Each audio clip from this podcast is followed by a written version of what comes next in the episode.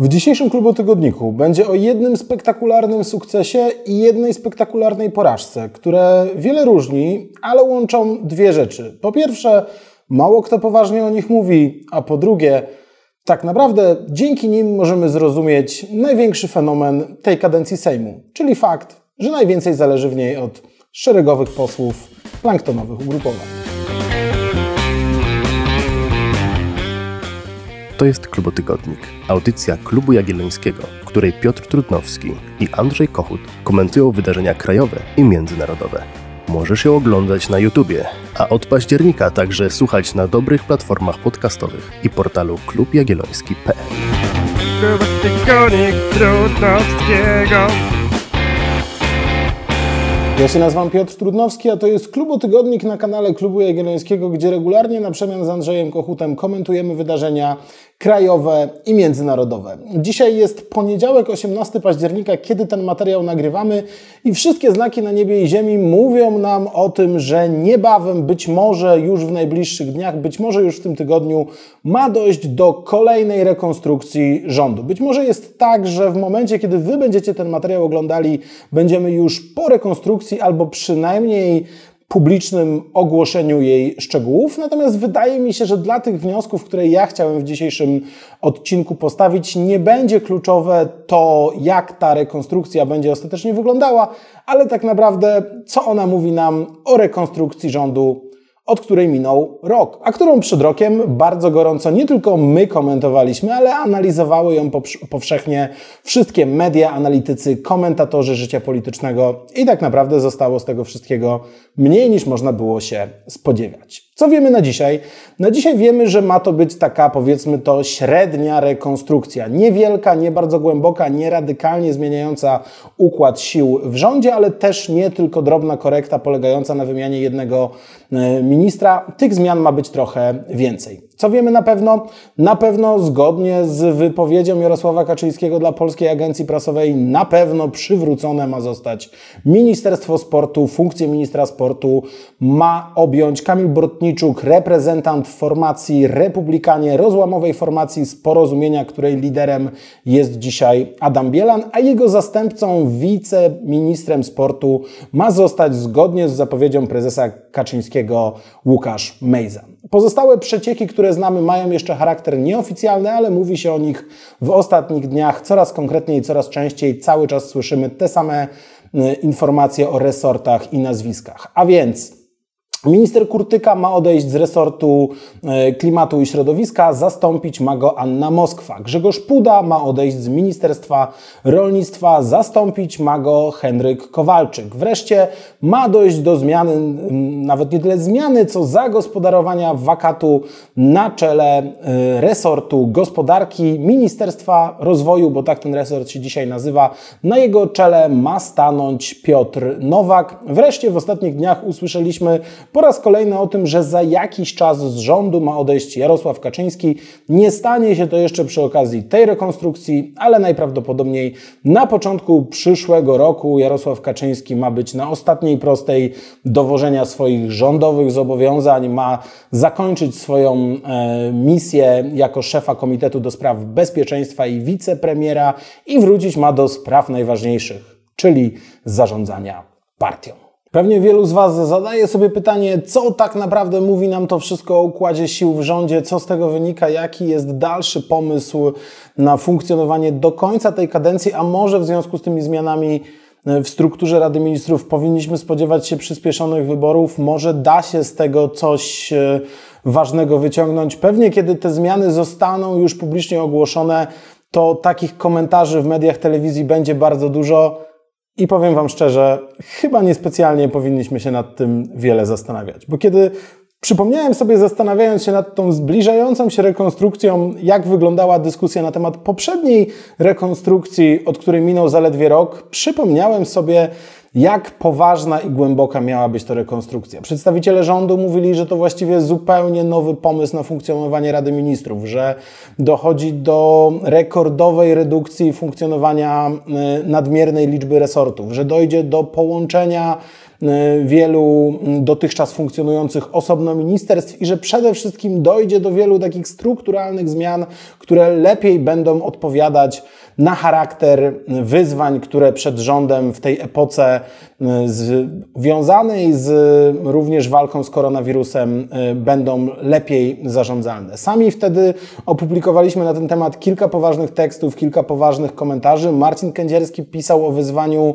potrzeby tworzenia właśnie takich super resortów odpowiadających za super polityki e, publiczne. Wskazywał na to, że pomysły takie jak rezygnacja z funkcjonowania Ministerstwa Sportu mogą mieć sens, ponieważ takie agencyjne zarządzanie pewnymi politykami publicznymi jest e, adekwatne do wyzwań, przed którymi dzisiaj stoją rządy. Jan Rokita na naszych łamach analizował w 12 punktach szczegółowo konkretne zmiany, oceniając na przykład przesunięcia pomiędzy konkretnymi działami administracji rządowej z jednego resortu do drugiego, wskazując, gdzie to się może udać, gdzie się nie uda. E, wreszcie jakiś czas później jeden z naszych autorów e, występujący anonimowo jako urzędnik e, administracji rządowej wskazywał na to, że tak naprawdę z tych wszystkich zmian zbyt wiele wyniknąć nie może i że te wszystkie obietnice lepszego zarządzania, lepszej koordynacji polityk publicznych, walki z silosowością, że to wszystko nie może doprowadzić do przełomu, jeżeli nie dojdzie do przełomu w kulturze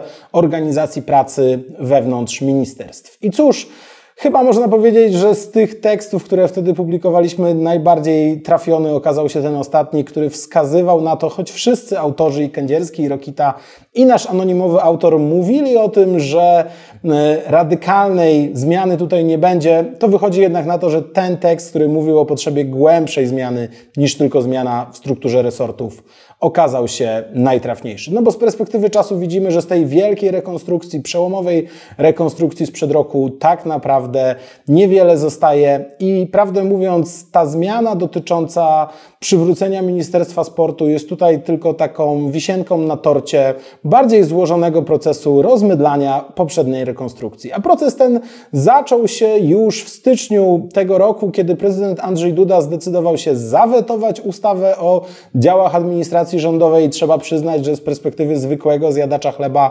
była to najbardziej nudna decyzja Andrzeja Dudy, bo co to za weto jakiejś ustawy o działach administracji rządowej, o której żaden normalny człowiek nie słyszał. Wiele słyszeliśmy wówczas interpretacji i argumentów tego, dlaczego Andrzej Duda akurat na to weto się zdecydował, natomiast najtrafniejsze były chyba te głosy, które mówiły, że po prostu Andrzej Duda nie chciał doprowadzić do sytuacji, w której lasy państwowe trafią pod zarząd ministra rolnictwa, ponieważ nowy minister rolnictwa, wówczas nowy, a być może niebawem już były minister rolnictwa Grzegorz Puda, był postrzegany jako człowiek Mateusza Morawieckiego, mocno skonfliktowany z Janem Ardanowskim, który blisko współpracował z Andrzejem Dudą i jeden z pierwszych powodów, dla których ta rekonstrukcja się nie udała, miał właśnie źródło w takiej, no powiedzmy sobie, niezbyt spektakularnej różnicy zdań pomiędzy przedstawicielami różnych ośrodków władzy w obozie rządowym. Ale przecież tamto weto miało dalej idące konsekwencje, ponieważ cała ta rekonstrukcja miała wzmocnić ośrodek wokół premiera, miała uporządkować kwestie funkcjonowania zaplecza legislacyjnego, eksperckiego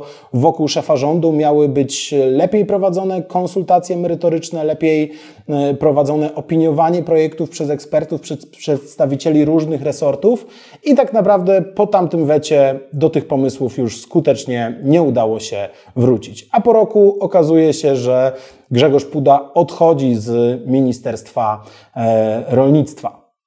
Co więcej, tamta rekonstrukcja zakładała też między innymi, czemu nasi autorzy poświęcali sporo uwagi, przeniesienie działu praca do Ministerstwa Rozwoju, wówczas kierowanego przez Jarosława Gowina.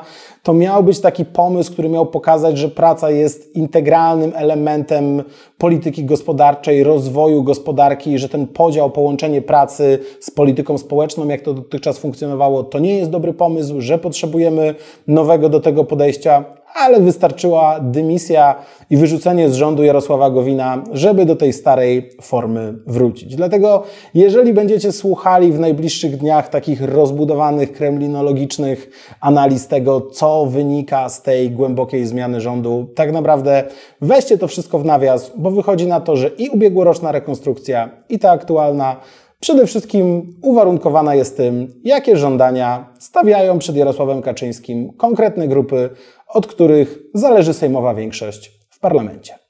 Jak bowiem w praktyce wygląda ten proces decyzyjny, proces negocjacji parlamentarnych, jak wygląda proces kształtowania optymalnej struktury Rady Ministrów, która dobrze będzie zarządzała państwem i odpowiadała na wyzwania polityki publicznej, najlepiej chyba obrazuje to scena z ubiegłotygodniowego posiedzenia Sejmu, no bo ona tak naprawdę jest źródłem do zrozumienia tego, co się tak naprawdę w tej chwili w polskiej polityce dzieje. Otóż w czwartek zaczęło się sejmowe posiedzenie, jak to zwykle zaczynało się od takich powiedzmy technicznych głosowań mniej istotnych e, dotyczących tego, czy odroczyć posiedzenie, czy zarządzić przerwę i tak dalej. No i na samym początku tego posiedzenia okazało się, że posłowie tej grupy rozłamowców z porozumienia związanej z Adamem Bielanem nie pojawili się na tym głosowaniu. Po prostu nie wzięli w nim udziału. Okazało się, że jest ich wystarczająco dużo. Był razem z nimi również e, poseł e, Łukasz Mejza, który ma zostać wiceministrem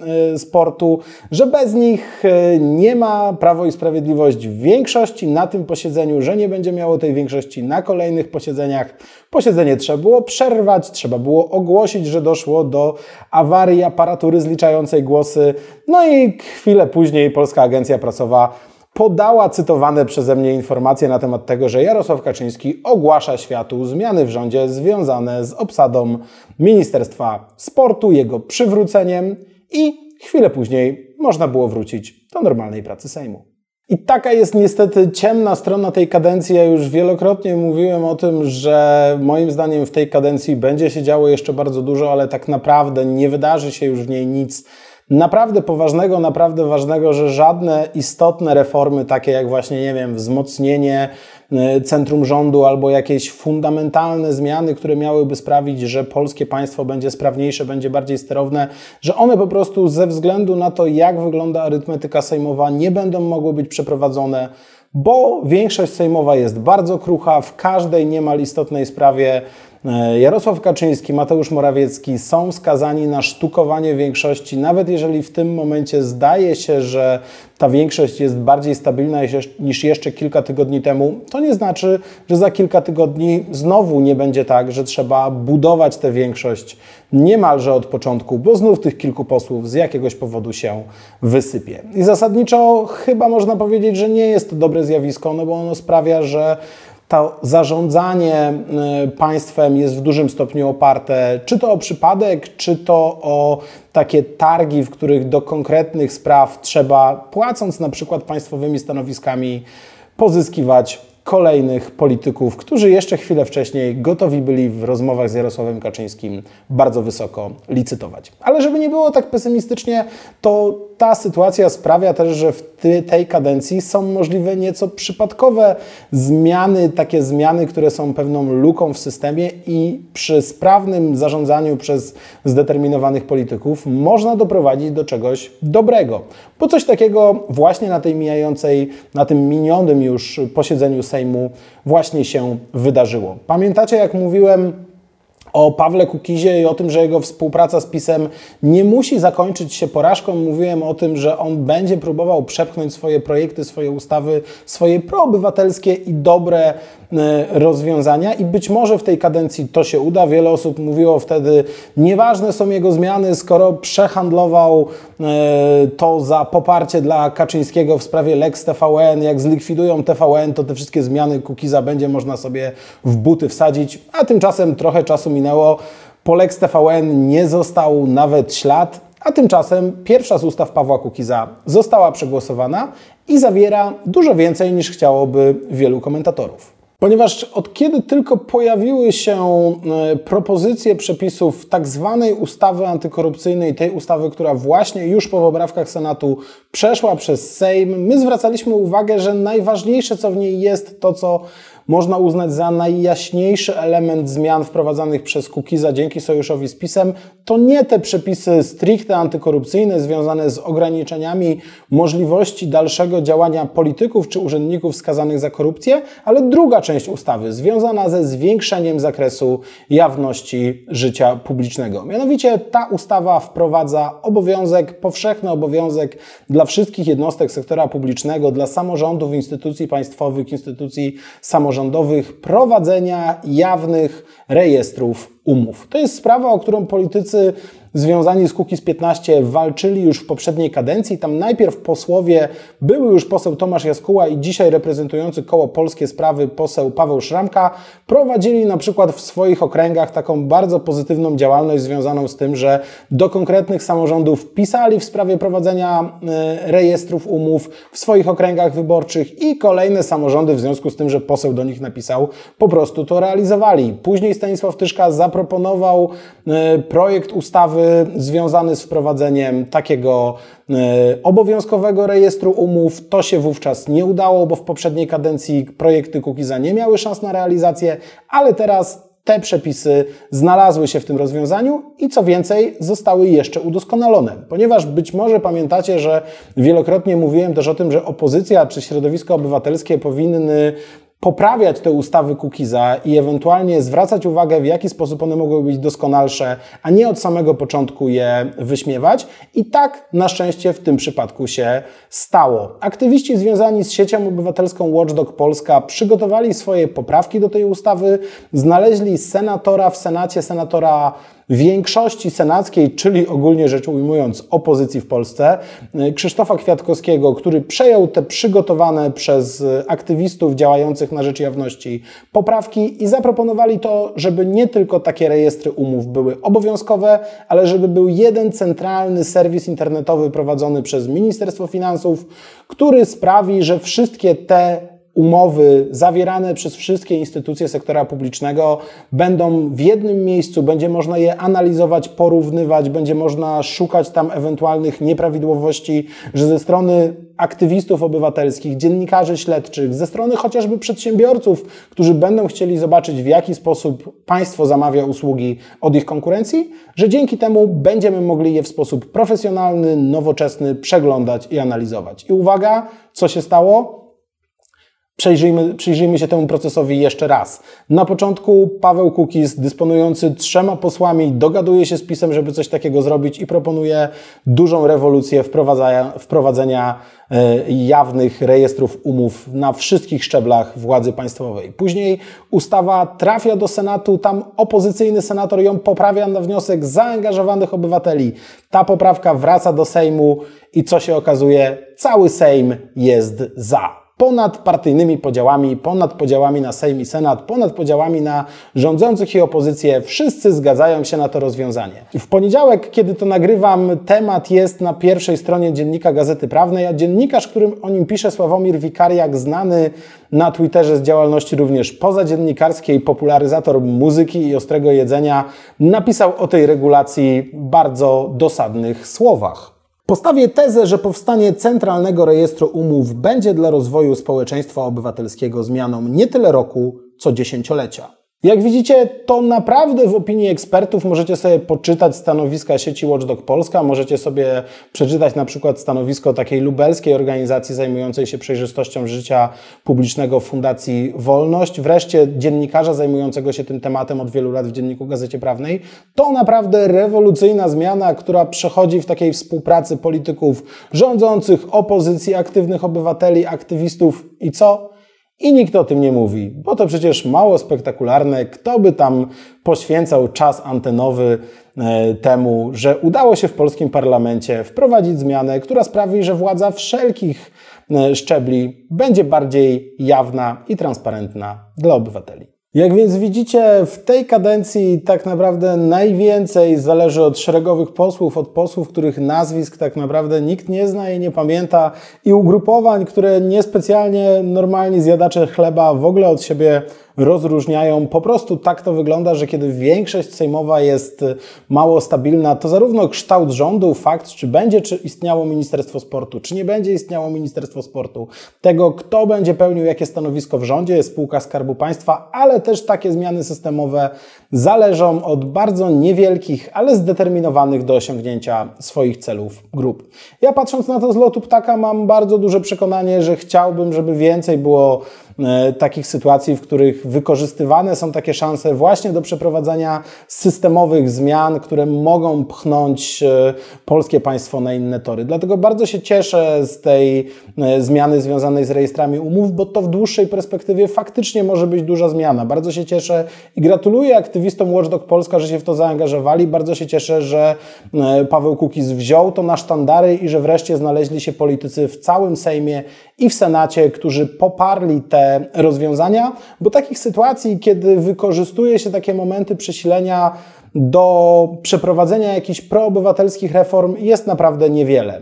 Dużo częściej niestety wygląda to tak, że o żadnych systemowych zmianach i rozwiązaniach nie może być mowy, bo polityków, którzy reprezentują te mniejszości, interesują przede wszystkim ich osobiste, partykularne interesy i stanowiska. Ale dlatego tym ważniejsze jest to, na kogo w każdych wyborach głosujemy. I te drobne mniejszości, frakcje i frakcyjki w dużym stopniu zależą od tego, czy wybraliśmy do Sejmu czy Senatu naprawdę ideowych i merytorycznych ludzi, czy takich, którzy przede wszystkim myślą o tym, żeby samemu zwiększyć swoje wpływy.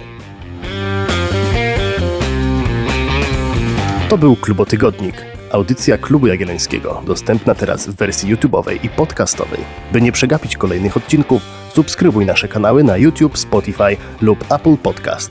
A najlepiej zapisz się na nasz newsletter – wchodząc na www.klubjagielloński.pl. Tam też możesz wesprzeć finansowo naszą aktywność podcastową i vlogową. Bardzo to prosimy.